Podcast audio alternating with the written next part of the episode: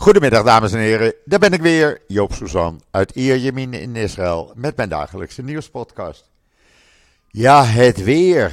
Het is nog veel van hetzelfde, helaas zeg ik erbij, want dit was niet of is niet normaal. Gistermiddag om drie uur, half vier, was het in een 45 graden gevoelstemperatuur. Nou, je weet niet waar je het zoeken moet als je naar buiten moet. En dat probeer ik dan zoveel mogelijk te verhinderen.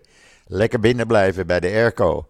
En nu, op dit moment, is het ook weer 42 graden gevoelstemperatuur en een hoge vochtigheidsgraad. Eh, het maakt dat we geen blauwe lucht hebben. Het is een grijsachtige lucht met af en toe een flauw zonnetje ertussendoor.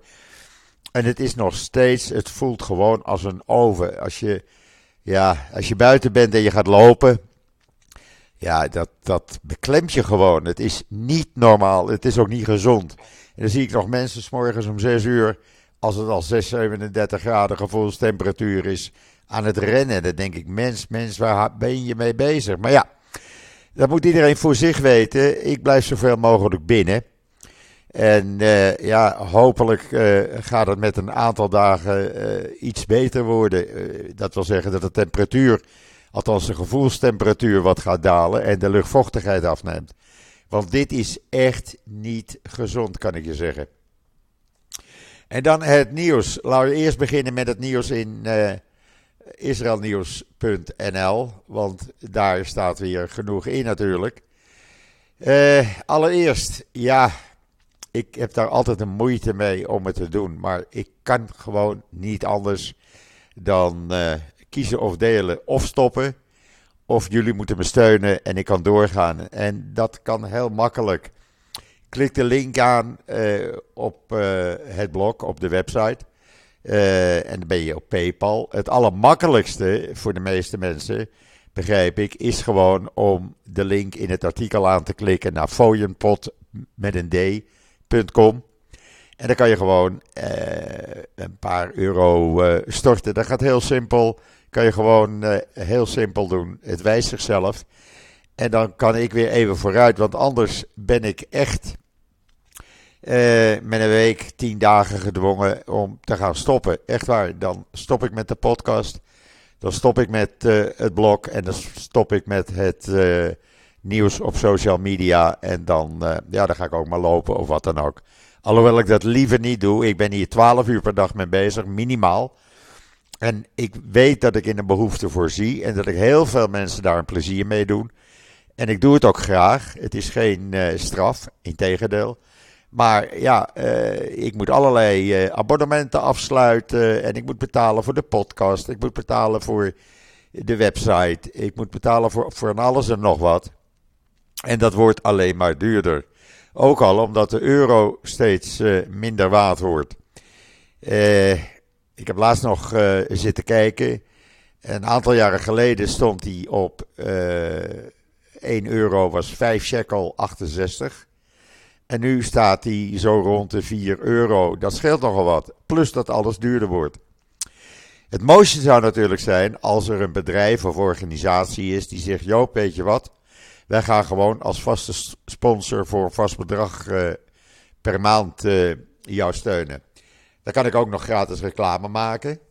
Uh, als jullie uh, een bedrijf of organisatie weten, uh, breng ze met me in contact, zou ik zeggen.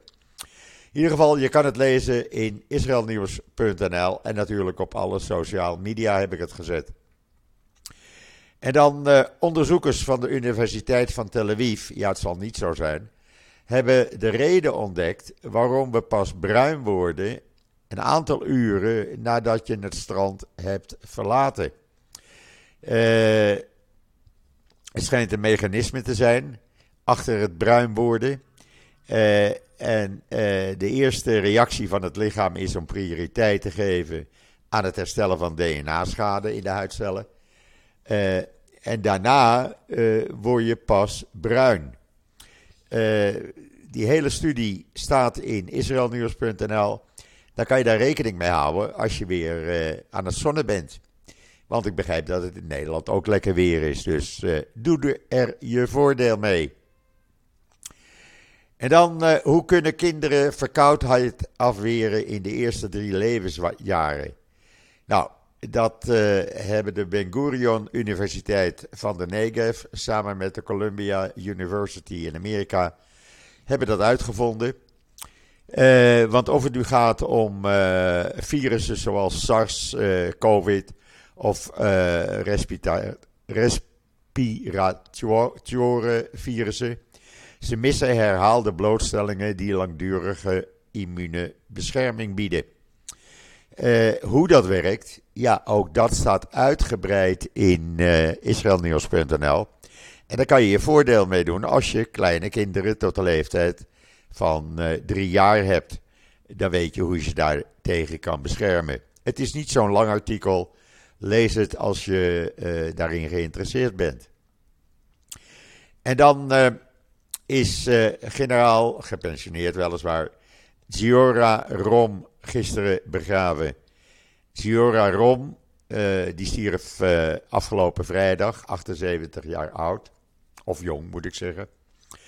En die is echt verweven met de geschiedenis van de staat Israël. De, uh, de chefstaf Halevi, de chef van de generale staf en alle IDF-commandanten, zij bogen hun hoofd voor deze generaal-majoor. Want ja, wat heeft hij allemaal niet gedaan? Hij is commandant van de Ramon Air Force basis geweest. Commandant van de Tel Nof Air Force basis. Hij is uh, in de Verenigde Staten heeft hij Israël gediend. Hij is een van de eerste piloten geweest van de Israëlische luchtmacht. Althans, wat je toen een luchtmacht kon noemen. En dat staat allemaal beschreven in uh, uh, israelnieuws.nl. Hij is bijvoorbeeld de man die ja, de eerste piloot was. Die maar liefst vijf vijandelijke vliegtuigen neerschoot. In luchtgevechten van de Zesdaagse Oorlog. er is een hele toespraak gehouden door de chef van de luchtmacht. Foto's staan erbij en een heel interessant artikel. Ik vond dat nodig om dat jullie te laten weten. En dan een uh, Israëlische parazwemmer. Die heeft maar liefst vier gouden medailles op het wereldkampioenschap uh, voor uh, gehandicapte sporters behaald. Dat heeft hij in Manchester gedaan. En ja, daar mag je best een beetje trots op zijn natuurlijk. Er was ook nog een andere Israëlische zwemmer die brons haalde. En ja, het Israëlische team heeft het echt succesvol gedaan. Ook dat lees je natuurlijk in israelnieuws.nl. En dan had de NIW een heel interessant artikel over de Joodse middenstand uh, online staan. Moet je maar even gaan kijken. de Joodse middenstand in Den Haag was vele malen groter dan eerst gedacht. Uh, de resultaten van een onderzoek daarna die zijn eind juli ingediend. Daar is een hele studie door ge, voor gemaakt door Corine Glaudemans. Die is gespecialiseerd in de Joodse geschiedenis van Den Haag. En het bleek dat er veel meer Joodse winkels waren dan men eerst dacht. Heel interessant artikel. trouwens, van de 17.000 Haagse Joden overleefden er slechts 5000 de oorlog. Uh, dat is dus heel weinig. Want er was na de oorlog geen Joodse slagen meer te vinden in Den Haag bijvoorbeeld. En uh, ja, dat kan je allemaal lezen in dat artikel op het NIW. Wat ik ook heel interessant vond, was een opiniestuk van uh, Aline Pennewaard van het CIDI. Ze is ook wel eens een aantal keren als gast in de podcast geweest. En die beschrijft dat desinformatie over Israël jodenhaat voedt. Nou, daar heeft ze 200% gelijk aan. Want dat is gewoon zo. Dat kan je lezen in de Telegraaf van gisteren. Het is echt een heel interessant artikel. En ze haalt een paar uh, uh, televisieprogramma's aan om dat te bewijzen. En uh, ja, ze heeft 200% gelijk. Desinformatie, wat de media doen, dat is gewoon, werkt antisemitisme in de hand. Heel simpel. Lees het in de Telegraaf van gisteren. En dan waar ik echt een beetje door geschrokken ben. Het is de laatste paar weken komt het vaker voor hier in Israël. zondag waren er een aantal tienermeisjes en tienerjongens. Die wouden de bus van Asdod naar uh, Tavor pakken. Dat is de Nateef Express 88 lijn. Die gaat rechtstreeks van Asdod naar Kvar Tavor in het noorden, in de Galil, boven de uh, Tiberias. En dan wouden ze een paar leuke dagen uh, gaan doorbrengen. Die tienermeisjes werden door de buschauffeur bevolen om achterin te zitten en zichzelf te gaan bedekken, want uh, ze moesten maar rekening houden dat er ook ultra-orthodoxe mannen aan, in die bus zaten. En later zouden instappen. Uh, de buschauffeur dwong hun gewoon. En uh, ja, ze moesten achterin gaan zitten. En die zei onder andere tegen, de, tegen ze: Jullie wonen in een kibbutz, daar ben je los van de wereld. Je leeft in een Joodse staat en je moet respect hebben voor de mensen die hier wonen. Het feit dat je in een kibbutz woont en dat je zo bent opgevoed, het spijt me voor jullie. De jongens mochten wel voorin. Uh, ze moesten zich ook bedekken. Ja, dat is natuurlijk een hele rel geworden. Uh, want je kan niet zeggen, uh, mensen moeten zich aanpassen aan de ultra-orthodoxe passagiers. Je zou dan kunnen zeggen, kom op zich, 17% van de bevolking is ultra-orthodox. Laten die, die zich een beetje aanpassen. Laten die rekening houden dat er ook mensen wonen die eh, zich niet eh, op een speciale manier kleden. In ieder geval, dit is een hele rel geworden. Meisjes in tranen. En uh, ja, dat is natuurlijk in de pers gekomen. En uh, dat, uh, dat kwam naar buiten. En ja, dan zegt de natief busmaatschappij. Wij zullen die chauffeur erop aanspreken. Lapid zegt: nee, je moet hem ontslagen. We verontschuldigen ons wel. Nee, zegt Lapid, je moet die man ontslaan. Want die man bepaalt niet wat de regels zijn. Dat bepaalt de wet. En het staat niet in de wet. We leven niet in Benai Barak in Asdod. Uh, waarbij Natief weer zei: er is één kapitein op het schip en hij bestuurt en hij is de baas. Ja, zo kan je natuurlijk wel door uh, blijven gaan. In ieder geval, die rel die is er nog steeds. En een organisatie die zich daarmee bezighoudt, want in Israël heb je natuurlijk uh, voor van alles en nog wat organisaties. Die uh, zegt, ja maar wacht even, dit is de, deze maand al drie keer, nee het is drie keer op een dag voorgekomen dat er eh, Israëlische vrouwen werden gediscrimineerd vanwege eh, eh, orthodoxe mensen aan boord. En dat kan gewoon niet. Men, men pakt dat ook hoog op. En men gaat kijken wat men hiermee kan doen natuurlijk. Want ja, dit kan gewoon niet zo doorgaan. Uh, mevrouw uh, Regev, de minister van Transport, die zei wel, naar aanleiding van deze drie incidenten, dat er geen uh, vrouwen kunnen worden uitgesloten van het openbaar vervoer. Het openbaar vervoer is voor iedereen. En elk incident moet met de meeste serieusheid behandeld worden.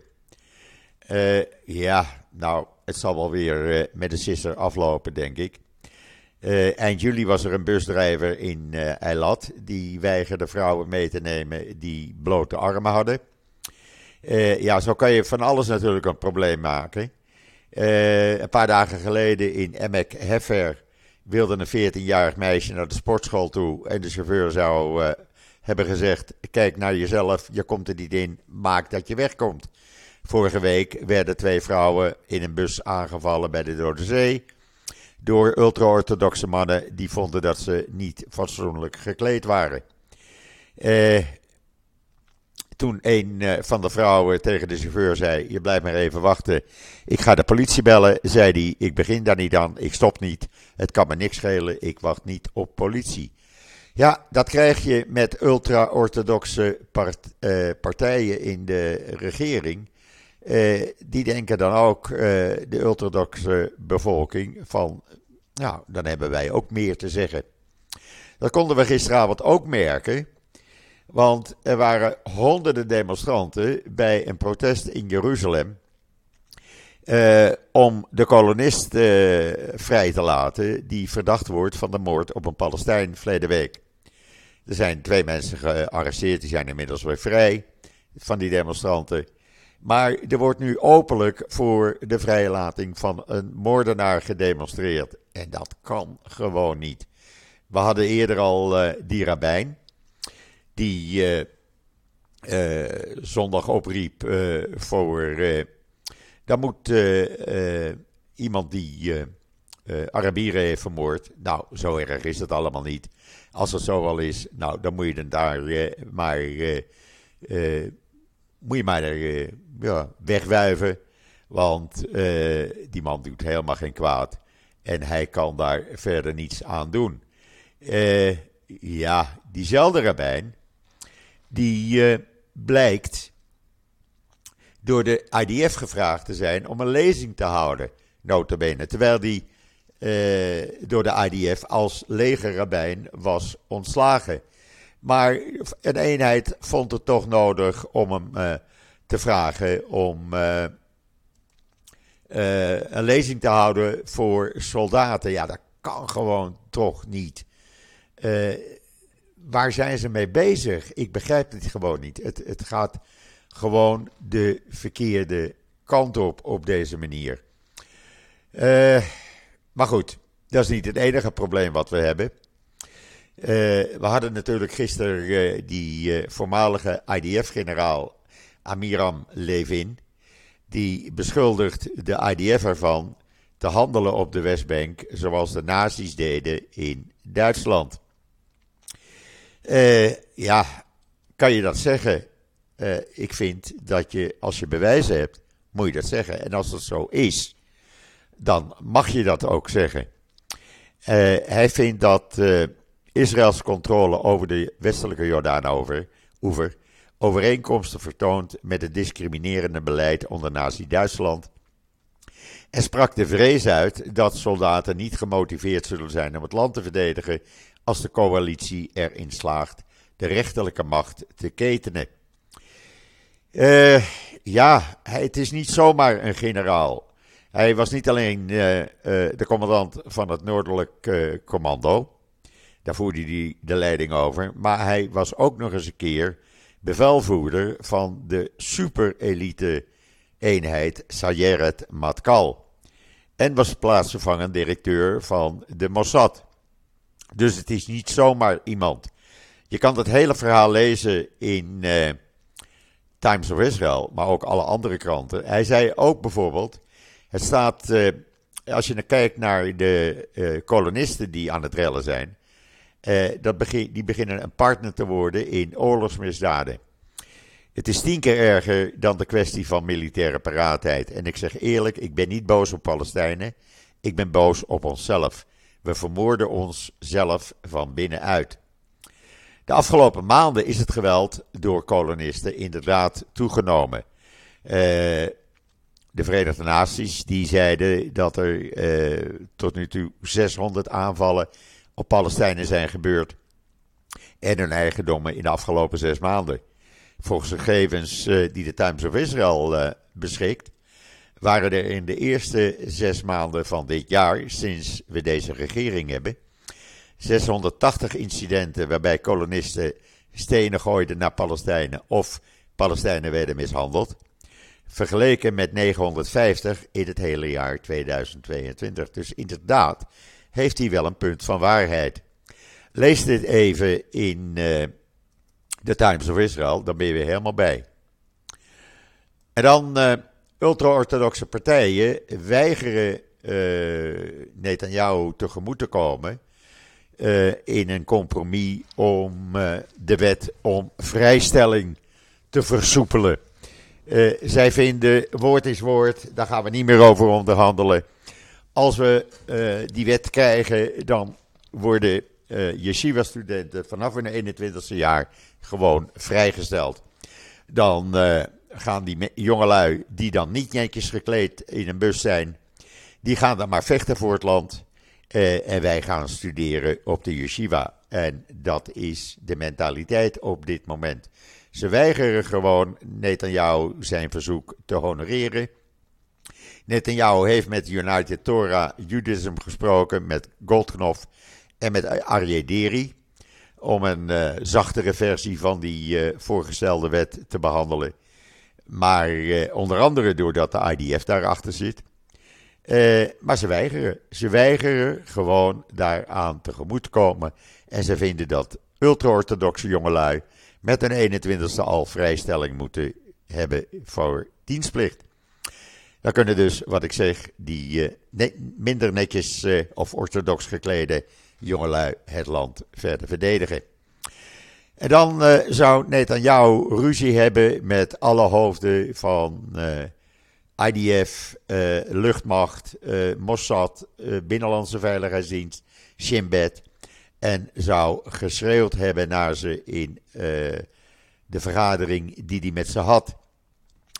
Uh, want zij uh, uiten hun zorgen dat door die hele juridische hervorming. Ja, de paraatheid van het leger en alle veiligheidsdiensten op het spel staat. En dat is gewoon zo, want er zijn tienduizenden reservisten die niet opkomen draven, waaronder honderden piloten. Hij zou geroepen hebben uh, geschreeuwd hebben naar ze. Naar bijvoorbeeld uh, het hoofd van uh, de luchtmacht en de chefstaf van de IDF. Die zou die hebben uitgescholden. En hij zou hebben geschreeuwd: Het lijkt erop dat het leger het land bestuurt. Jullie schaden onze afschrikwekkende geloofwaardigheid.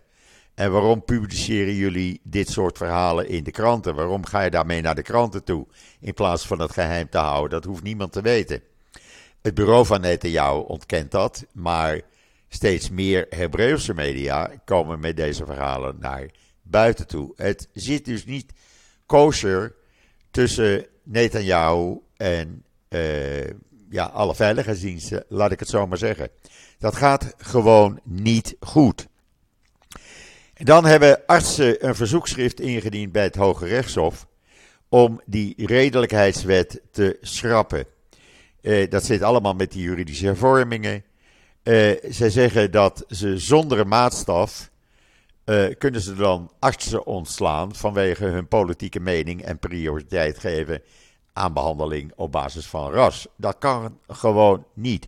Wij willen die redelijkheidswet van tafel hebben. Het is een brief van 68 kantjes geweest.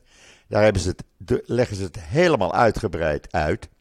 En uh, ja, als die wet erdoor kan, erdoor komt, dan kan bijvoorbeeld de minister van Volksgezondheid toestaan dat uh, die kan onge ongekwalificeerde personen op gevoelige posities benoemen. Hij kan willekeurig ziekenhuizen openen en sluiten. Hij kan uh, uh, prioriteit geven aan de behandeling van patiënten op basis van hun ras, ras geslacht of uh, beroep. Hij, hij kan ook willekeurig verklaren dat een bepaalde ziekte besmettelijk is. Hij kan doktersvergunningen intrekken vanwege hun politieke opvattingen. En zo nog veel meer. Dat kan je allemaal lezen in de Times of Israel. Ik verzin er geen woord aan. Op 12, op 12 september uh, houdt het Hoge Rechtshof een hoorzitting hierover. Met alle 15 rechters, wat zelden gebeurt. Uh, we zullen gaan zien. Het wordt steeds ingewikkelder en steeds, ja, laat ik zeggen, het gaat een kant op die wij niet graag willen zien. Echt niet. Want de homogeniteit hier in het land, ja, die is gewoon ver te zoeken. Je krijgt echt een tweestrijd eh, waar het altijd een, een, land was waar iedereen samen eh, vocht en samen was. En dat gaat nu duidelijk in de richting van twee partijen uit. En dat moeten we niet willen. Eh, dan eh, ja, is bekend geworden dat elke tweede huishouden in Israël te lijden heeft van passief roken. Dat blijkt uit onderzoek. Er blijkt dat slechts een kwart van de, diegenen die door passief roken worden getrokken, erover klaagt vanwege sociale normen en de wens om goede relaties met bijvoorbeeld buren te hebben en ze ook liever conflicten uh, mijden. Dat blijkt uit onderzoek van de School of Public Health van de Universiteit van Tel Aviv. En dat is toch wel veel. Uh, ik zelf er ook ook, maar uh, ik doe dat buiten. En als mijn buren zeggen, Joop, het stinkt, wat ze gelukkig niet zeggen, uh, dan, dan doe ik het niet. En als ik in de buurt ben van mensen waarvan ik weet dat het hinderlijk is, dan rook ik gewoon niet. dus je moet ook een beetje met elkaar rekening houden. Dat hele onderzoek trouwens kan je lezen in Ynet. En dan gisteren een heel tragisch ongeval in het noorden van het land. Uh, daar, zijn, uh, daar is een brandweerman en een uh, andere man omgekomen in het dorp, Arabische dorp Deir al-Assad. Daar zijn, waren twee brandweerlieden een gat ingegaan, wat er plotseling ontstond. En waar een Palestijnse arbeider in was gevallen. En die hadden be bewustzijn verloren. Nou, dat gat was acht meter diep. Die moesten ze dan uh, eruit proberen te halen. En het blijkt dat daar uh, een of ander gas was. Uh, daardoor is die Palestijnse arbeider overleden. Maar ook een van die twee brandweermannen. Die werd in het ziekenhuis doodverklaard. Hij was 40 jaar jong en hij kwam uit Beit Jan. Dat ligt aan de Libanese grens. en het is echt heel tragisch. De Palestijnse arbeider blijkt volgens de politie nog illegaal ook in het land te zijn geweest. En uh, ja, de politie zei: we verloren het contact met de twee brandweerlieden op het moment dat ze in het gat waren afgedaald. En toen gingen er extra brandweerlieden uh, ook in dat gat met extra beschermende kleding en mondmaskers op. En die vonden beide brandweerlieden in ernstige toestand. Eentje heeft het gelukkig overleefd ligt nog wel in het ziekenhuis. Maar die illegale Palestijn en een van die brandweerlieden is overleden. Staat in de Times of Israel. En daar kan je het lezen. Ja, en dan uh, gaan uh, uh, de Arabische. de Arabische gemeenschappen. Die hebben een staking aangekondigd voor volgende week. Want, zeggen ze, uh, wij krijgen het geld niet van uh, Smotrich. Nou, dan gaan wij staken, een algemene staking. Dat kan een heel groot probleem worden voor Israël. En waarom zeg ik een heel groot probleem? Omdat veel Palestijnse arbeiders in de Israëlische steden werken. Die werken uh, bij de stadsreiniging, ze werken bij uh, stratenmaker. Uh, ze werken in Israëlische warenhuizen, in winkelcentra, noem maar op. En als die mensen allemaal gaan staken, dan heeft Israël dus een heel groot probleem volgende week. En dan kan je eigenlijk het land wel uh, op slot gooien. kijken of Smotrich nog steeds dat geld achter blijft houden. Hij heeft gezegd, toen Netanyahu daarna vroeg van we hebben dat dan afgesproken. Het is een overeenkomst. Maak die 200, shekel, 200 miljoen over. Nou, dat uh, weigert hij gewoon. Eens kijken of met deze staking in zicht hij blijft weigeren. In ieder geval is er vanmorgen, en dat is heel raar, uitzonderlijk, daar zal nog wel wat op komen door de kolonisten, hebben grenspolitieagenten hebben een illegale buitenpost uh, gesloopt. Die hebben ze ontruimd. En uh, ja, die uh, uh, kolonisten die pikken dat niet. Want die zeggen, Smartrich geeft ons toestemming en wij gaan gewoon hier wonen. En Benguier is er ook mee akkoord, de minister van Politie en Nationale Veiligheid. En we bouwen gewoon nederzettingen waar wij willen en we blijven dat doen. Een van de extreemrechtse Knessetleden, mevrouw Limor Son Harmeler, lid van de partij van Ben die kwam nog uh, bij die ontruiming om te protesteren. Maar uh, ja, ze hebben geprobeerd stenen te gooien naar de politieagenten. Uh, maar goed, die ontruiming heeft plaatsgevonden. Dan is er gisteren een demonstratie geweest door de Ethiopische Israëli's. Uh, want die, uh, ja, die willen dat de regering zich inzet om wat meer Ethiopiërs, waar nu een, uh, een soort oorlog aan de gang is tussen allerlei organisaties, om die naar Israël te halen. Er zitten nog duizenden mensen in Ethiopië met Joodse wortels. En ja, die lopen gevaar. Je hebt er wel 200 mensen uitgehaald verleden week. Maar dat is veel te weinig. Het moeten er veel meer zijn. Doe dat nou alsjeblieft. Daar is, uh, daar is een demonstratie voor geweest. Uh, of dat nou gaat gebeuren, ik denk het niet. Uh, maar goed, we zullen het gaan zien. En dan is er een nieuw restaurant in Tel Aviv gekomen. Er waren er nog niet genoeg. En dat restaurant heet Flames. En waarom heet het Flames? Omdat alles op open vuur wordt bereikt, bereid. Uh, het ligt in het, uh, ja, het is niet goedkoop, want het is uh, gelokaliseerd in het Carlton Hotel aan het strand van Tel Aviv. En ja, bij de opening waren alleen maar hoogwaardigheidsbekleders en iedereen die zich ambassadeur van de Israëlische keuken noemt. Alles wordt op open vuur bereid. Dus als je eens een keer wat anders wil, nou, ik zou zeggen, ga daar eens een keer een kijkje nemen. Je kan het lezen in Ynet. En dan Duitsland is een officieel onderzoek begonnen naar uh, uh, de uh, beschadiging, de brandstichting op de Holocaust herdenkingsmonument in Berlijn. daar is Sorry, ik moest even niezen. Dat komt door de airconditioning. Uh, dat is behoorlijk uh, beschadigd door vuur. Uh, afgelopen week. En men heeft nu het onderzoek overgenomen. En de geheime dienst is daarmee bezig om te kijken wie daarachter zit. Er werden boeken verbrand door het vuur. Het monument is beschadigd. Dat kan gewoon niet. wat hebben we nog meer? Ja, er is ruzie tussen Lapid en een van zijn Knessetleden, laat ik het zo maar noemen.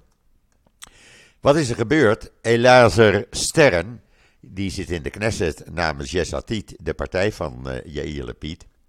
Die had gezegd van, nou het zou toch hartstikke mooi zijn. Uh, ik zou daar erg blij mee zijn als er een eenheidsregering zou komen onder leiding van Netanyahu. Netanyahu zou eigenlijk dat uh, naar voren moeten brengen als een soort offer, een aanbod. Uh, want als hij dat doet, dan gaan we zeker als Yesatit-partij met hem in gesprek. Uh, want, zegt hij, ik ben nooit tegen de mogelijkheid van een extremiste-vrije eenheidsregering geweest. Hij is vroeger ooit ook oud-minister geweest in een of andere regering. Wat zegt Lapid? Hallo, ik ben een fatsoenlijk persoon. En als dit zou gebeuren, dan zou dit de dood van het fatsoen zijn. Dus we beginnen hier niet aan. Het kan niet in Israël zijn dat er geen verzet is tegen corruptie, geen verzet tegen het idee om te trappen tegen de rechtbank uh, en rechters te bedreigen, geen verzet tegen diegenen die beweren dat morele integriteit er niet toe doet, en het verzet dat het idee dat racisme en messianisme thuis horen in een regering, ja, dat kan niet. En als we verklaren dat er in Israël geen verzet is tegen het idee van corruptie en tegen de vernietiging van alle Israëlische waarden, dan redt het land het niet. En vernietigt Israël alles waar het land voor staat, voegde Lapid er aan toe. Nou, dat weten we dan weer. Uh, ja, ik heb helaas geen vrolijk nieuws. Ja, ik heb nog wel een ander nieuwtje. Vond ik ook wel belangrijk om even bekend te maken. Er zijn in Neves, Tzedek, dat is in Zuid-Tel Aviv, die uh, luxere wijk, laat ik het zo maar noemen, wijkje. Daar wordt een uh, uh, appartementencomplex gebouwd. Daar zijn de eerste twee appartementen van een schatting ieder 115 vierkante meter, zo groot is dat niet in totaal verkocht voor ruim 41 miljoen, oftewel ruim 10 miljoen euro. Dus zeg maar 5 miljoen euro voor een appartementje van 115 vierkante meter. Ja, waar ben je dan mee bezig? Uh, Het komt neer op uh, zo'n 140.000 tot 170.000 shekel per, vierkant, per vierkante meter per appartement. Oftewel, pak een beet 40.000, 45.000 euro per vierkante meter. Ik heb ze niet in mijn zak zitten, zou ik zeggen. Maar goed, er zijn mensen die het willen betalen. Ja, wat de gek ervoor geeft, zeg ik dan. Goed, dat was het voor wat betreft vandaag. Uh, denk nog even aan uh, ondersteuning. Want ik heb jullie steun echt nodig, mensen. Anders gaat het echt niet meer lukken. Echt niet. Uh, ik wens iedereen een hele fijne voortzetting van deze maandag, de 14e augustus. Ik ben er morgen weer. Ik worstel me door de hitte heen. Ik ben er morgen weer. En zeg zoals altijd: tot ziens. Tot morgen.